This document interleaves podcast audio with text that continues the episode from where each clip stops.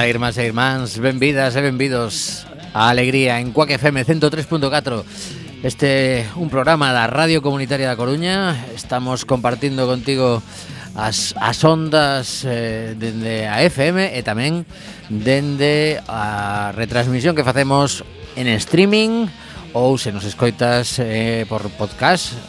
Pois aquí estamos, alegres un ano máis, unha tempada máis e van 17.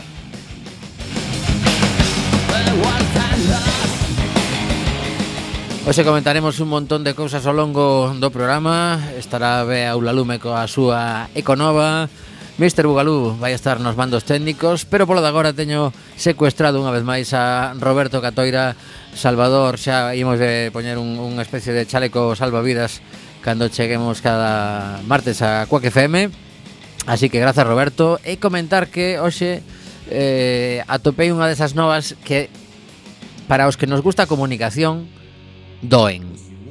Porque isto non pode ser. O sea, chega un momento no que eh, o dexenere da profesión xornalística xa eh, non nos deixa de sorprender. Atención á nova que publica eldiario.es. Periodista digital ten xornalistas que non existen, identidades falsas, fotos sacadas de portais de internet e currículums inventados. E dides vos, e que carallo é periodista digital? Bueno, pois é unha páxina web na que moita xente eh, infórmase cada día E resulta que eh, atopamos nesta información que Paula Dumas, Iván Rastic e Francisco Lorenson saen de bancos de imaxes de internet que podes mercar ti mesmo por uns sós euros. Así que o xeito de eh, parecer que tes unha plantilla ampla xerando no, novas consiste nun sistema tan cutre como o de mercar unhas fotografías de, de persoas en bancos de imaxes, destas que acabo de comentar, inventarse un currículum vitae tipo monasterio, porque así, xa sabedes que esta muller eh, de Vox asinaba como arquitecta no ano 2003 e non o foi ata 2009, e temos tamén eh, a información de que eh, me motiva especialmente explorar no novedoso. Di un dos perfís destes xornalistas que non existen, que por certo son eh, xóvenes e tirando a guapetes, que se inventa a xente de periodista digital para ampliar a súa plantilla de xeito artificial. Podería non ser unha cousa eh, gravísima, pero realmente eh, a necesidade de camuflar as cousas que teñen esta xente pois eh, preocupa a calquera, como dicía, que que nos guste pois a, a veracidade que se lle supón a, ao xornalismo. E como xa temos por aquí a, a Bea Lume e a Mr. Bugalú Que a mellor, pois, evidentemente, estaban nese traxeto entre o vehículo e o estudio de Quack FM Non se enteraron de que periodista digital inventa xornalistas. Sí. Pero espera, que che abra aí o micrófono. Hola. Hola, Bea, que tal? Moi boas. Mm, pois, pues, mm, vale, sí, no, non sabía. O sea, o proceso é, mm, primeiro nos venderon as fake news, vale? Temos aí fake news para regalar, e despois o que sucedeu a continuación foi que eh, como lle parecía que a, a súa debe ser que a súa plantilla era demasiado curta para xerar tantas novas, Pois entón o que fan é iso, o que estaba comentando coa audiencia. E que tal lles pagan? Mercan, mer, ah, bueno, eso um, mm, polo que din aquí, por uns euros podes conseguir as fotografías, mira que guapetes. Mira, mira que xornalistas máis majos inventan. entón, mer, mercan as fotos de, de eso, calquera banco de datos que hai Ajá. por aí polas webs, sí, sí. e eh, di, pois pues este vai ser xornalista noso. Entón, uh -huh. a partir de aí inventan un nome, un currículum e, e festa e a publicar novas. E claro, despois eh, o que non sei é que sucede se alguén ten algunha queixa contra unha nova. non é non é peor que que escoitei esta semana, eh? Conta, contame. En torno medio Mariano, de en, en torno medio de, de comunicación. Por exemplo? Uh, pois bueno, digamos que xa o asunto a nivel medio non é que estea para tirar foguetes, non? Eso xa o sabemos todos, que a información non é non era mellor, pero houve unha é que estou buscando a redacción exacta. Vale. Da Bueno, pero podes ir contando despois aínda que sexa ampliamos a nova. Non, que se topa un cadáver. Estamos falando de España, no, de Río, do... sí, en España, en vale. España. Uh -huh. Eh, mm, eh que pasa que era dunha persoa sen teito. Ajá. Eh, eran unha destas zonas da que na que nas que houbo riadas e eh, tal entonces dicían que eh, en que non era unha das persoas que, que se buscaba e que os desaparecidos seguía sendo o mismo número de persoas. ¿no? como que é pobre, a quen lle importa? Vale. eh, era bastante terrible redacción. Mira, era el cuerpo que encontraron este domingo en el río no es de ninguno de los desaparecidos por la dana. Se trata de un sin techo que seguramente arrastró el agua con lo cual la cifra de desaparecidos continúa siendo 4 uh, é terrible! Básicamente, eh, señores de Antena 3 Noticias, o que pasa é que os desaparecidos eran cinco. Uh -huh. Claro, eh, pero eh, como non entendemos que son desaparecidos como a, mm, de que alguén nos estaba buscando, digamos. Pero como esta eh, persona non tiña este casa, como... non tiña casa sí, sí. e eh, eh, vivimos nun lugar no que se unha persona non ten casa, eh, non se lle cons non, non consta cando desaparece, que xa é bastante triste. Pois ainda por riba, como que non tiñamos suficiente coa realidade e aínda remachamos o cravo na, na nova, non? Pois sí. Bueno, pois deixademe rematar este bloque inicial eh, comentando ou bueno, simplemente lendo, se despois queremos comentar pois adiante, como definen a un dos xornalistas eh, inexistentes na, na propia web Periodista Digital. Iván Rastic. Mira, Bea está vendo aquí a cara Ese de rapaz, fútbol, de fútbol. Sí, ten, ten pinta. Pues di así. El periodismo tiene mucho de tarea colectiva y el multifacético. Qué bonita palabra le han metido. Multicacetín, gustanos a... sí, sí. El multifacético Iván Rastik encarna el espíritu de la parte más ardiente, frívola y dicharachera de la redacción. O sea, un tipo que no existe o máis dicharachera de la redacción. Continúa. Es él, a título individual, pero asumiendo una tarea colectiva, quien asume bajo su nombre todo eso que otros, por pudor, recato, corrección política, melindres, prudencia, timidez o cordura, nunca se atreverían a afirmar. Y lo hace encantado. E me deron dúas veces asumir na mesma frase o que demostra que non que realmente non teñen moitos xornalistas para repasar os seus propios textos. Bueno, pois eh, ata aquí este bloque de saúdo a nosa afección. Tedes un WhatsApp por si queredes comunicarnos porque ao mellor sabedes máis cousas destas que que non molan do xornalismo e o 644 73 7303 644 7373, perdón 03 E tamén un número de teléfono que podedes marcar Sempre que queirades falar co estudio de Quack FM 881 01 22 32 E imos coa primeira canción do programa de hoxe Unha banda de Estados Unidos Dun eh, estado que se chama Washington Non da capital Nunha illa pequeniña Chegan estes tres o día 13 de novembro a Sala Mardi Gras eu mm, xa vos digo que o recomendo con toda eh, a miña paixón porque sei que ides flipar chámanse Sway Wild Thank you.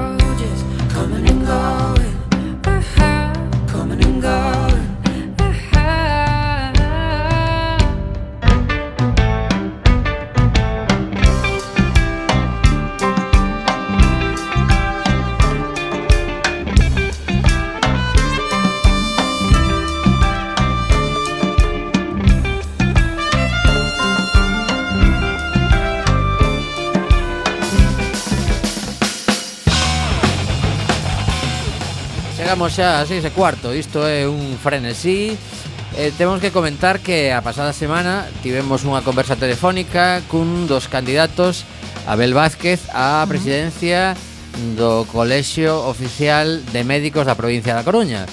Bueno, pois tal como nos deixaba entrever, a cousa complicouse de mala maneira. Onte renunciaba a presentarse, presentaba un documento no que dicía que impugnaba por irregularidades as eh, as eleccións ante uh -huh. a Xunta Electoral, de paso que el dicía que non se presentaba isto porque consideraba que non había as, as garantías suficientes. E a Xunta Electoral dixo que estaba todo correctísimo, polo tanto continuou coa coas eleccións. E temos aquí que Luciano Vidán, que o, o era o, o anterior e agora en principio vai ser o que siga ao frente do Colexo de Médicos, pero eh, pois tivemos comunicación co equipo de campaña de Abel Vázquez e o que nos comentan é que moi probablemente eh, haxa impugnación ante os xulgados se a xunta electoral non retifica eh, isto vai para longo posiblemente mm, quedamos de estar en contacto por si había algún tipo de novidade parecíanos demasiado precipitado falar de novo hoxe porque está todo uh -huh. moi moi quente. Sí, claro. Eh, eh nos nos faltaba tamén a información dende a outra parte, Polo tanto, pois eh, dixenlle que, que ia estar un pouco atento ás novidades Pero, pero bueno, falábase de, de cousas eh, realmente graves E aquí, pois,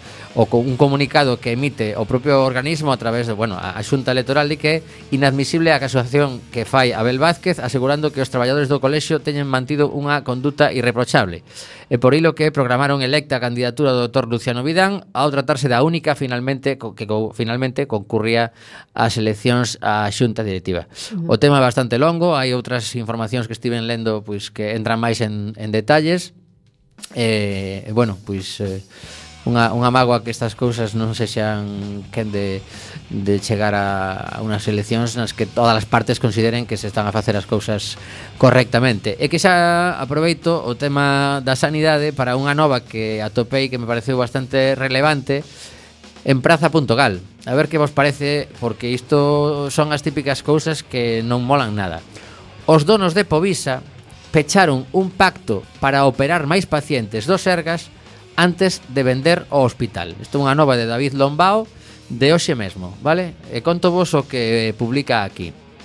O pasado 3 de outubro, o ata agora Grupo Empresarial Propietario de Povisa, o hospital privado que en virtude dun concerto co Sergas é o de referencia para 130.000 pacientes da sanidade pública, asinaba a súa venda a Rivera Salud, a compañía sanitaria que dende 2018 é propiedade da multinacional estadounidense Centene Corporation. Pouco días antes, o 30 de setembro, compradora e vendedora ratificaban á Consellería de Sanidade que a operación estaba a piques de culminar e ao tempo o grupo Nosa Terra 21 deixaba atado un acordo co goberno galego para operar aínda máis pacientes do Servizo Galego de Saúde na área de Vigo. A finais de 2018, despois de que Povisa amagase con ir a un concurso de acredores, a Xunta accedía a mellorar as condicións do seu concerto sanitario, asinado en 2014, aínda que, segundo a Xustiza, non se producira circunstancia ningunha que recomendase facelo. Entre as mudanzas figuraba o compromiso de que o Sergas pasase a asumir a subministración directa da medicación hospitalaria aos pacientes adscritos a Povisa e, a cambio, Sanidade baixaba a cota anual por paciente de 540 a 504,79, sistema de financiamento abertamente criticado polo Consello de Contas por, mar da, por mor da súa escasa transparencia. Na nota oficial divulgada de aquela por Sanidade, Para salientar o acordo adicional acadado con Povisa, o goberno galego sinalaba que aquel pacto especificaba a realización de actividade adicional no hospital privado. Isto é, de asistencia non contemplada no concerto especificamente. A modo de exemplo, sinalaba que entre esa actividade adicional estaría a realización e seguimento de probas complementarias a pacientes que proveñan do programa de cribado de colon e tamén a atención a pacientes en lista de espera da zona sanitaria de Vigo. Bueno, pois isto é o que nos canto, a, a información continúa, pero basicamente eh, o que nos comenta aquí, pois mira, Sanidade admite que o acordo de ata un millón de euros foi pechado cadrando coa venta Resta importancia ao movimento porque xa estaba negociándose e din que os perxudicados no caso de non cumplir serían os pacientes. Bueno, o tema é que aquí hai un... Que, que unha... importan, no? Total. Claro, aquí o tema é que hai unha, unha empresa que tiña un acordo coa xunta, que ese acordo, pois, a base de presionar dicindo que non lle saían as contas, eh, consigue mellorar, mellorar a, a financiamento que ten por parte de, deste caso dos Sergas e unha vez que consigue iso, curiosamente decide vender o negocio a un terceiro uh -huh. pero ese terceiro, pois, pues, digamos que como un subarriendo dun negocio millonario que estamos pagando os galegos con este hospital privado de referencia para 130.000 persoas. Como se xoga coa, coa sanidade e como andan facendo cousas que, que realmente pois, eh, mm, colexios oficiais tanto de mm, médicos como de enfermeiras, como de incluso entidades que defendan os intereses dos pacientes, terían que estar moi vixiantes con, con estas cousas porque ao final normalmente pois a, a atención é que a que queda un pouquiño devaluada.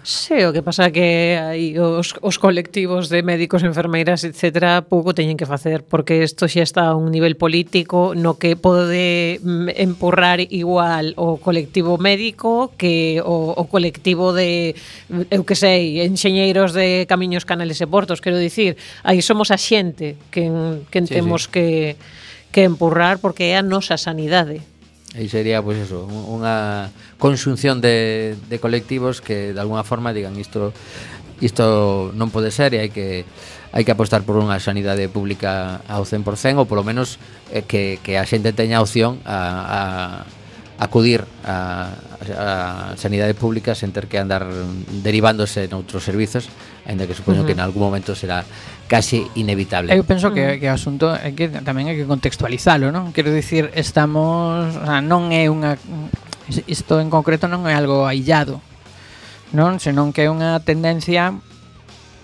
por parte de determinados gobernos, determinadas administracións de eh, privatizar de privatizar servizos públicos eh, que non é algo novo eh, que leva moito tempo facéndose nos países máis que máis que noutros, pero que eh, puntualmente no caso da sanidade, por exemplo, o, o foi foi moi significativo e foi pioneiro o Reino Unido neste nesta nesta teima E eh, agora están tirándose ata dos pelos da ingle se porque coñecen. teñan unha sanidade estupenda e agora teñen unha sanidade horrorosa. Claro, e xa se coñecen os resultados, quero dicir, non só perderon unha calidade, ah, bueno, perderon boa parte da súa calidade eh, asistencial na sanidade, senón que ademais resultou ser moito máis graposa para o erario público. Entón, nin aforraron cartos, nin, eh, nin melloraron servizo, empeoraron cartos, empeoraron cartos e servizo, non?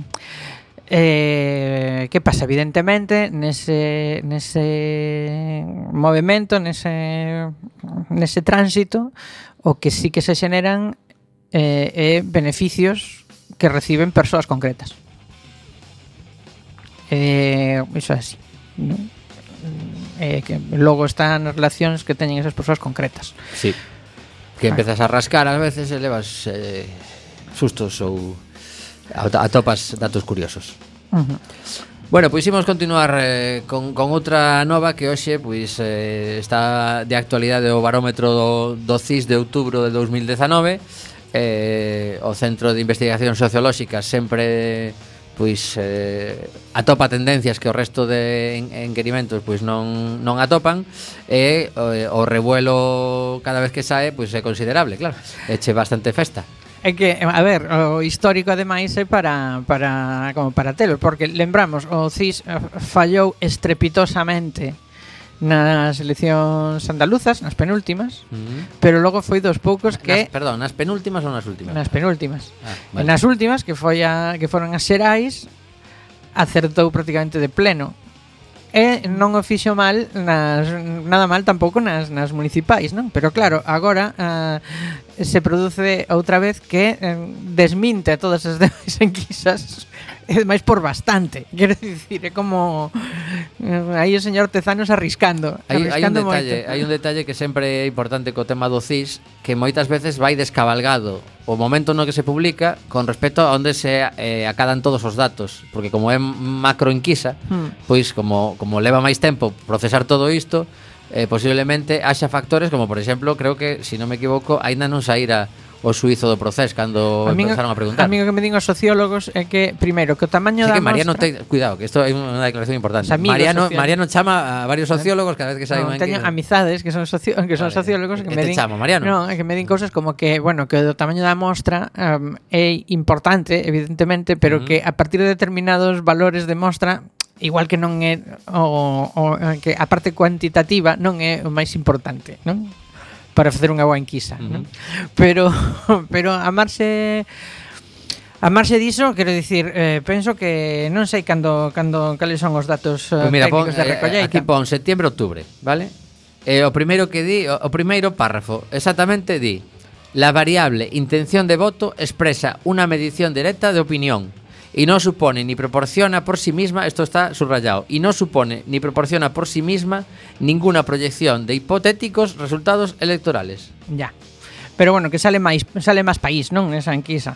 Ver, xa. Verá como. Entón, eh, como que como, como é bastante e, e de feito tamén eh, marca a, a, a recuperación de Vox tamén en Sanquisa. Vamos a ver, estamos aquí, estimación de escaños, efectivamente, pois sí, máis país eh, acadaría dous escaños según esta Claro. esta estimación. Eh, chun chun chun, estou buscando Vox, onde está Vox? Entre 14 e 21, claro que a horquilla é importante. Eh, son, as horquillas son moi grandes, pero incluso uh, poñendo as horquillas máis que máis asemellan ao da resto das enquisas, uh -huh. cualquier parecido con la realidad bueno, cualquier parecido co resto das enquisas é pura coincidencia, non? Eh, de feito, bueno, eh, uh, que pasa? Que mm, hai que ter en conta que eh, que na traslación a escanos dos resultados electorais ou de intención de voto eh, está o asunto da circunscripción, uh -huh. que non é cousa menor. Xa, pero eh, entendo que estos están tendo en conta ese detalle. Uh, pues, Quero supoñer, non? Por exemplo, aquí ao BNG danlle cero. Cero escanos.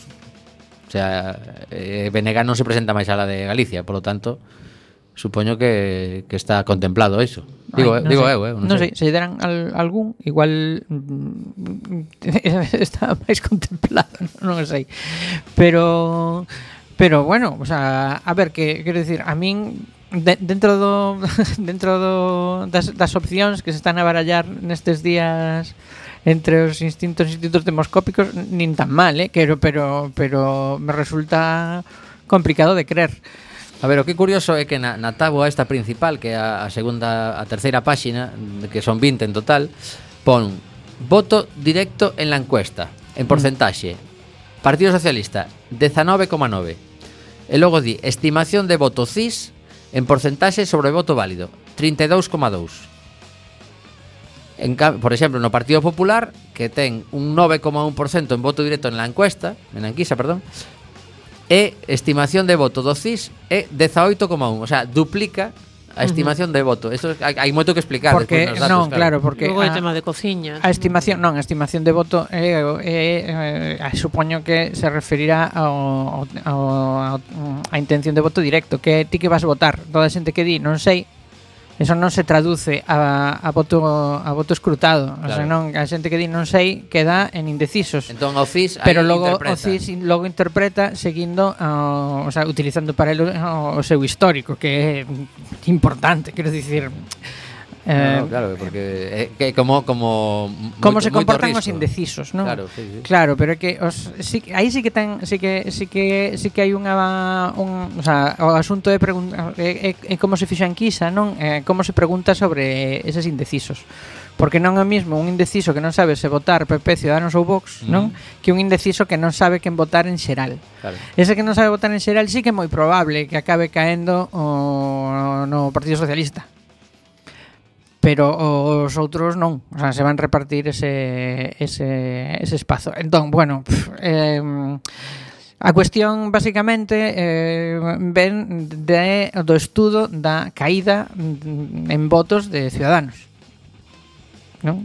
Porque Ciudadanos todo indica que se que vai levar un un correctivo moi severo electoral e o que entende o CIS é que quen vai optimizar ese correctivo é o é o soe moi por riba do Partido Popular, non? Que o Partido Popular ao mesmo tempo o que vai facer tamén estima é recuperar eh, parte do terreo que lle quitou Vox, aínda que non recupera tanto como oh, hai unhas semanas. Co tema de Cataluña Mm, digamos que se polariza un pouco máis e volve parte do voto que, te, que tiña perdido é, o, eh, o tema Franco recuperar.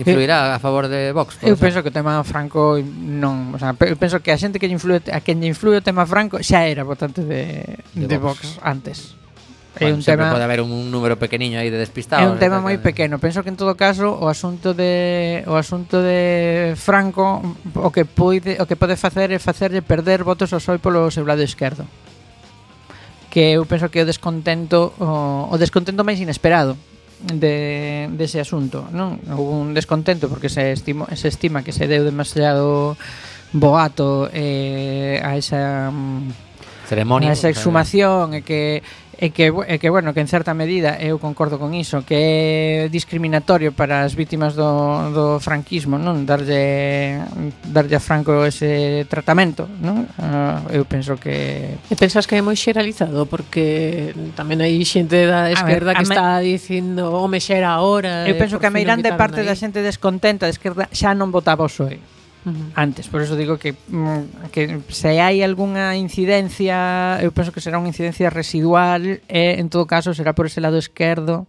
Pero claro, evidentemente non teño non teño ningún nin, ningún dato obxectivo, non? É unha cuestión así como de, mm. de percepción tras observar sí. a opinión pública, máis que a opinión, bueno, a opinión publicada, máis que a opinión pública, non? O que sí penso que pode facer o da exhumación de de Franco é eh, digamos confirmar a xente que xa era do PSOE e que últimamente podían dar con dúbidas polo que fose eh, isto lles pode eh, claro, facer dicir, ah, pois mira, non cumpliron, eh, dicían sí, que iban sacar a Franco e cumpliron. Sí. Pero nese sentido quero dicir, non pásame un pouco como como polo lado dereito, non? Quero dicir, a xente que lle molestaba ou que lle molestou tremendamente a sumación, eu penso que xa non estaba nin no órbito de Ciudadanos nin no, nin no Partido Popular, pode haber algún do Partido Popular, eh, que pode haber algún algún pequeno trasvase, pero pero non penso que vai ser moi moi moi moi significativo.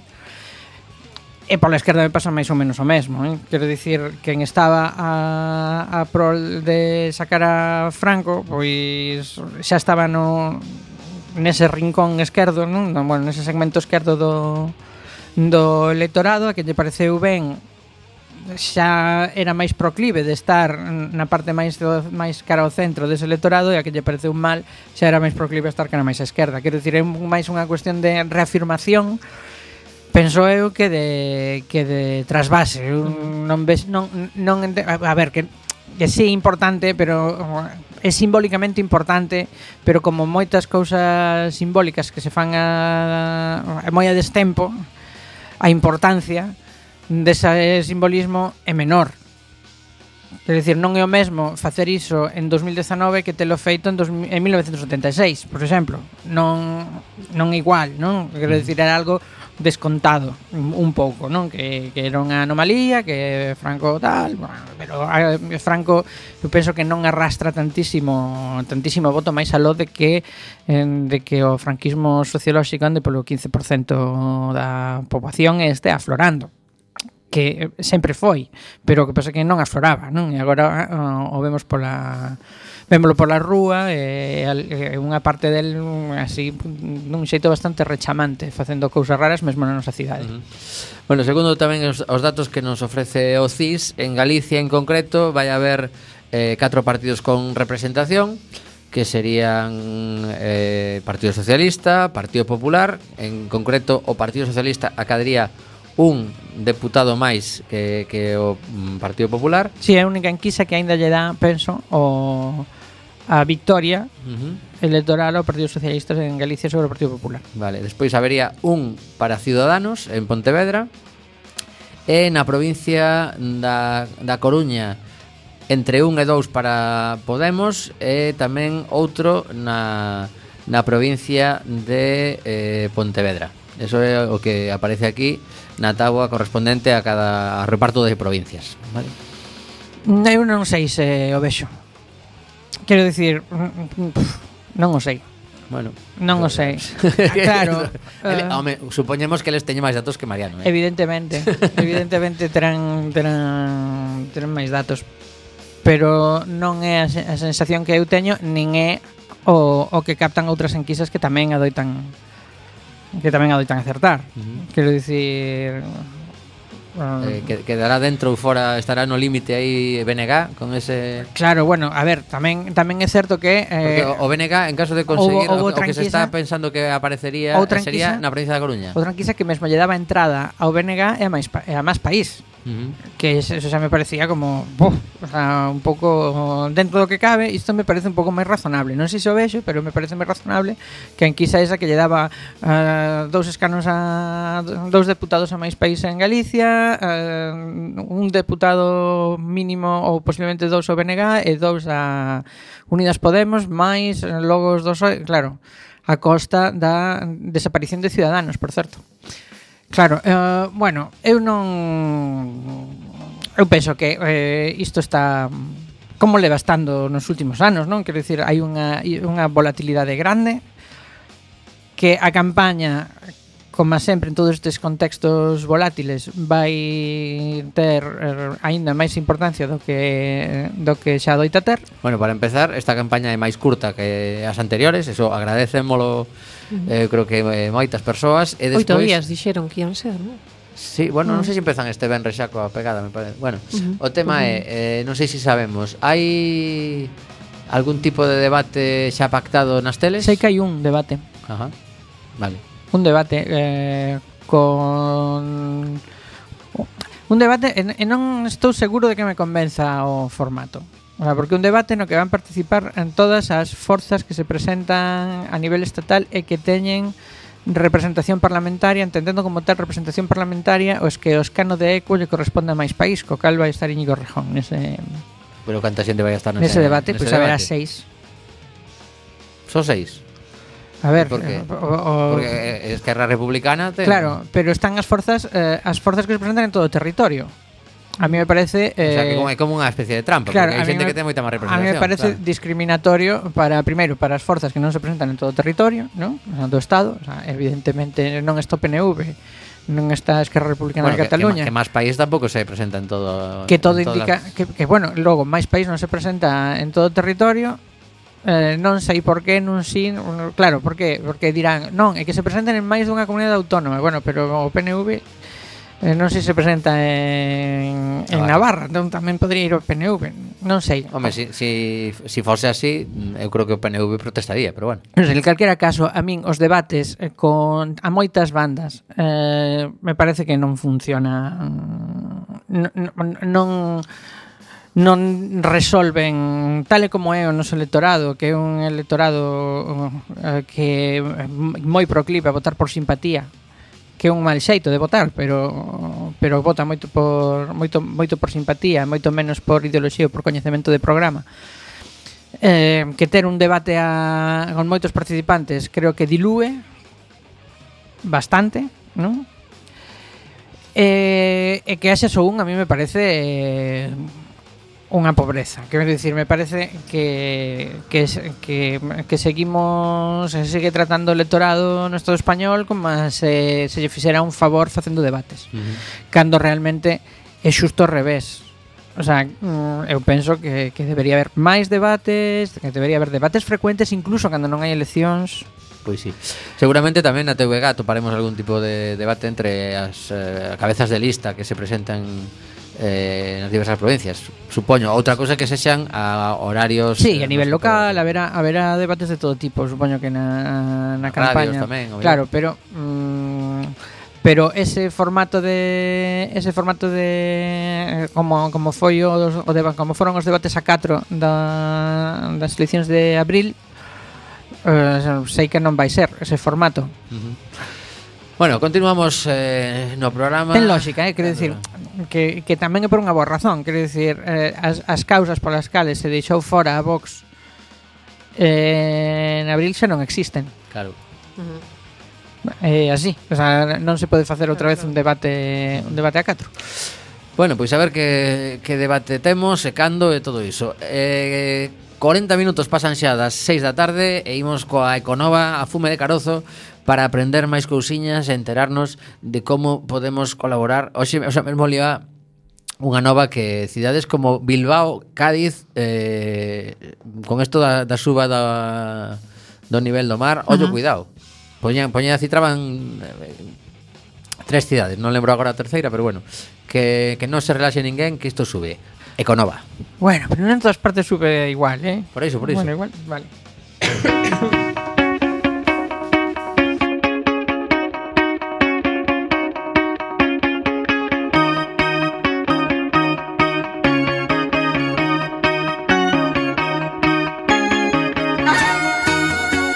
Continuamos en Cuac FM 103.4 no teu dial. Estás escoitando Alegría, son as 6:40 minutos da tarde deste martes 29 de outubro de 2019.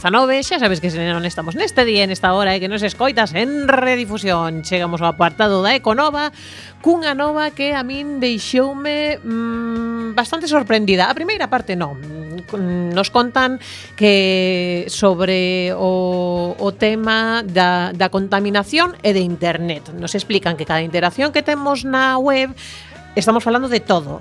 Mails, vídeos, entradas de Facebook, das redes sociais, Netflix e similares, WhatsApp e similares, etc. Todas esas cousas xeran pezas de datos. E esas pezas de datos, sí, virtuais, sí, tararí, hai que metelas en algún sitio, non? Esas pezas son almacenadas en servidores de datos. Estos centros de datos consumen enormes cantidades de enerxía e tamén de auga, porque os servidores se calentan moitísimo, se quentan moitísimo, e o proceso de eh, enfriamento require grandes cantidades, grandísimas cantidades de auga e de enerxía. A industria da tecnoloxía da información no seu conxunto supón o 7% de toda a electricidade que se consume no mundo e o 21% desta é consumida só por estes centros de datos. É unha pasada. Eh, por certo que a, a info que máis consume é a de streaming, claro, normal, chupa moitos datos aí. Entón, a cousa é que por ano o equivalente o uso somente do correo electrónico no mundo xera tanto CO2 como se tivesemos 7 millóns de coches máis nas estradas. Imaginade o que é iso. E o consumo de datos, claro, vai en aumento. Entón, eh, ante, ante este crecemento, eh, o que están facendo grandes compañías do sector, encabezadas por Google, Facebook e Apple, pois foi comprometeronse a que o 100% da súa enerxía proceda de fontes renovables. Están facendo cousiñas, pois, por exemplo, os, os centros de datos se están desplazando a países do norte de Europa, por un lado, porque son grandes consumidores de enerxías limpas, mira que aquí poderíamos ter en España enerxía limpa por un tubo, pero somos un pouco atontaos, que lle imos facer. Eh, pois están indo eh, eso a, a países do norte de Europa porque son grandes consumidores de enerxías limpias e ademais parece unha tontería, pero como son regiones máis frías, pois eh, se reducen as necesidades de refrigeración. E por outra banda, temos eh, a nivel usuario. Que pode facer o usuario? Isto foi o que máis me chamou a atención, porque a título individual tamén podemos facer cousas, cousas, home, bastante obvias, como por exemplo, deixar o ordenador en standby ou mellor incluso apagado cando non nos estemos utilizando, apagar o router pola noite, pero isto eu non o sabía, pechar as ventas do navegador de internet que non estemos utilizando. Eu son de ter igual desventas abertas. Desto de, de que igual non as estou mm. usando agora mesmo, pero igual mañá sí que as utilizo. Entón estou acostumbrada a ter moitísimas abertas. E claro, non se me ocorreu pensar que, que ter todas esas ventanas abertas inactivas, que en realidade non nos custa tanto abrir unha ventana nun momento dado, eh, Por, pero se a tes aberta, pois está consumindo datos. Mira, eh, se, se estou precisan... pechando aquí o tema de periodista digital. Isto xa vai fora. eh, E eh, outra cousa que me chamou moitísimo a atención é que dicían acostúmbrate a vaciar o teu spam, a túa papeleira e limpar os teus eh, correos. os teus correos.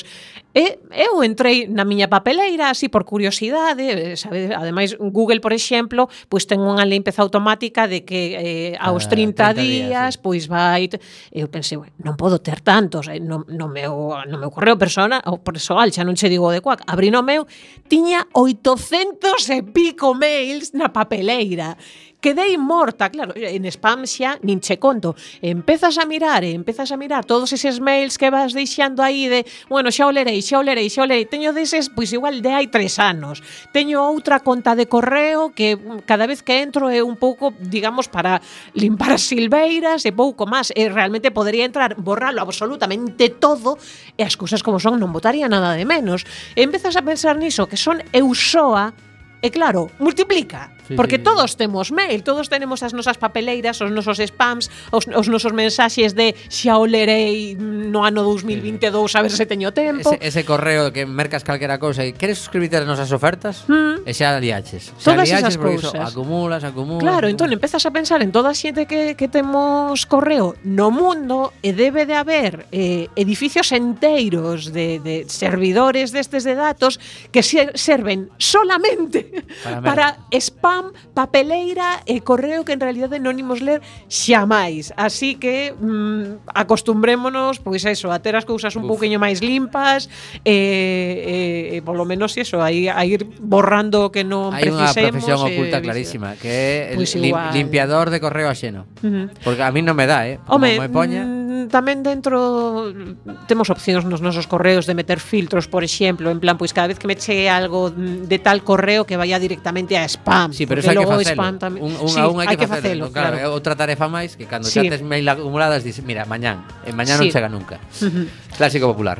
Uh -huh. Pero bueno, pouquiño a pouco eh, que por, lo, por lo menos sabelo A última, veña, imos coa última mm, E poñemos unha cancionciña para ver que está pasando en Sudamérica Que hai moita festa por ali, entre comillas. Mm, Vale, pois unha rapidiña.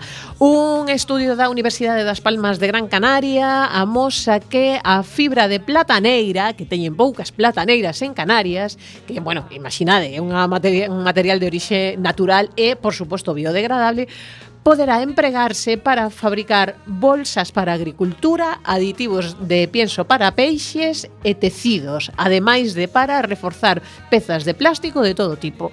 E así, pouquiño a pouquiño, pois imos atopando novos usos a materiais que son máis mm, máis respetuosos co medio ambiente e ademais, pois neste caso, pois sale de, de aquí mismo, de España, así sí. que estupendo. Seguimos sí, así. De feito, hai, hai moitísima empresa que manufactura pois que os, os mm, rexeitamentos que quedan despois de aproveitar as materias refugallos, que os refugallos sí. ou como como se denominen, pois eh, hai moita xente dándolle a cabeciña que pode facer con uh -huh. todo iso, porque acumularán toneladas tamén, igual sí. que estábamos a falar da cantidad de auga que se emprega para isto de enfriar os servidores. Sí. Pois seguramente tamén hai algo en que atope pois as, as, as virutas da eh, madeira que saen da, de cando estás facendo un moble, pois a, a, que facer con iso, non? Uh -huh. Os pelos nas peluque, nas perruquerías. Sí. Que tamén sí, hai moito sí. que facer. Bueno, total, que poderíamos estar aquí falando sí. de utilidades eh, Ah, un apuntamento moi sí. moi rápido Veña. que mentarei outro día e quero que os saibades. A hora de conservar os alimentos que ás veces dubidamos que utilizo, utilizo aluminio ou film transparente, cal será máis ecolóxico? Pois ben, os dous veñen contaminando prácticamente o mesmo, pero o aluminio é máis doado de reciclar. Vale. E realmente non hai moita diferencia en canto a como quedan de conservados os alimentos, así que por principio, mellor o aluminio. Pois queda ese apuntamento e imos escoitar a Víctor Jara porque estes días en, en Chile pois eh, lembramos a súa figura con todo o que está a suceder e, e, precisamente hai un vídeo circulando dun montón de xente cantando esta canción que pois eh, fala do dereito, de algo tan simple en teoría como é o dereito de vivir en paz. Escoitamos a Víctor Jara e falamos do que sucede por alá.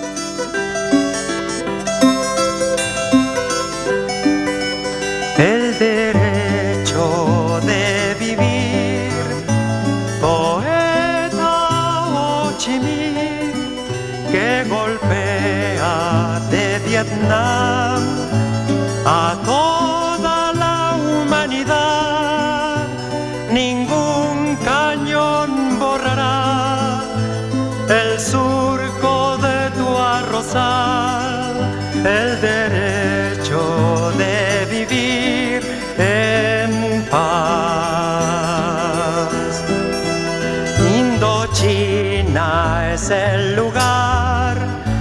más allá del ancho mar, donde revientan la flor con genocidio y napalm La luna es una explosión que funde todo el clamor, el derecho de vivir en paz.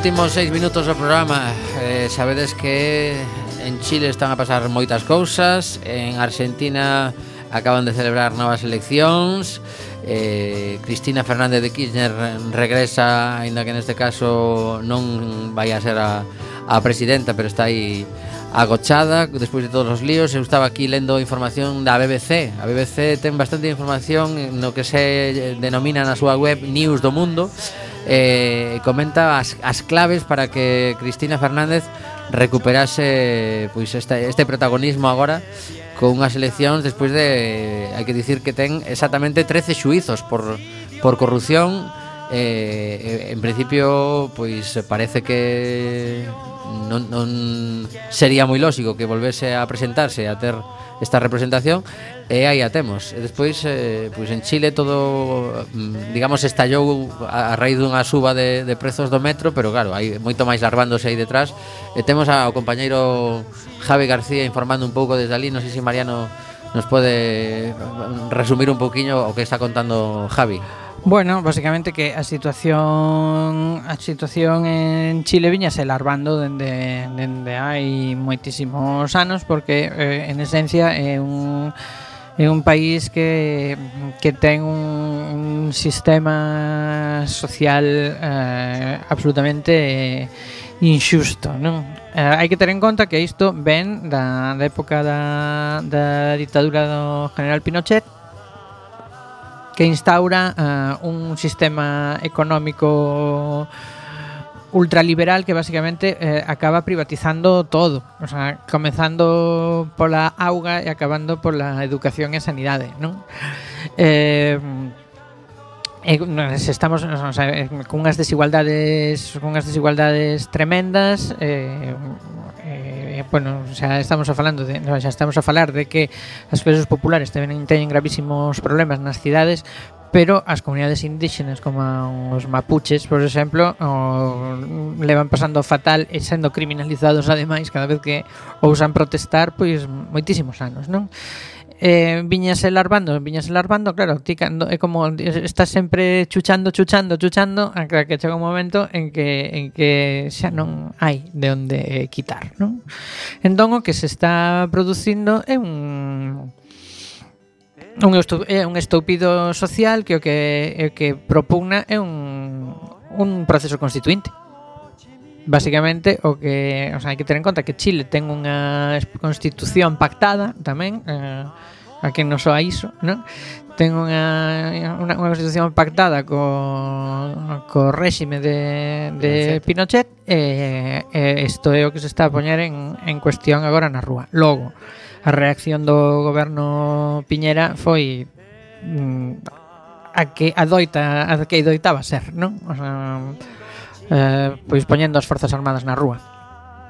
Cun resultado mm, espantoso, non? Eh, con mortos, con, bueno, eh, e con e, e, bueno, hai imaxes bastante tremendas de de abusos, eh, bueno, a cousa está complicada, toques de queda nas cidades, o goberno prácticamente está roto, caeu, Piñera pediulle a todos os seus ministros que que abandoaran e eh, que vai cambiar de, de gabinete, o sea, pero el, non sei... El queda, el queda... Sí, a ver, se non me trabuco, eh, aquí sí que estou falando un pouco así por inercia, eh, eh, Chile é, un, é, un, é unha república presidencialista, entón, claro, se el marcha é para convocar novas, eleccións. novas eleccións. Eh, É complicado o é complicado o escenario mm, porque os procesos constituintes eh, son difíciles cando contan cunha oposición tan formidable como neste caso a oligarquía chilena, que ademais está moi apoiada por, por outro tipo de poderes externos, non? Pero bueno, eh, son cousas que pasan. Eh, de vez en cando, non? Quero dicir ese tipo de ese tipo de ese tipo de proceso. Bueno, podemos dicir que en xeral Latinoamérica está nun momento realmente complicado, moitísimos países con, con graves Bueno, o, o que houve foi un foi un vaivén, non? O sea, igual que hai uns anos houve un unha especie de de estúpido de de gobernos progresistas en toda Latinoamérica, houve unha especie de de reforma diso, de reacción, non? coa victoria de Bolsonaro, coa victoria de Macri, eh, todo isto, e agora sei que se revirte outra vez.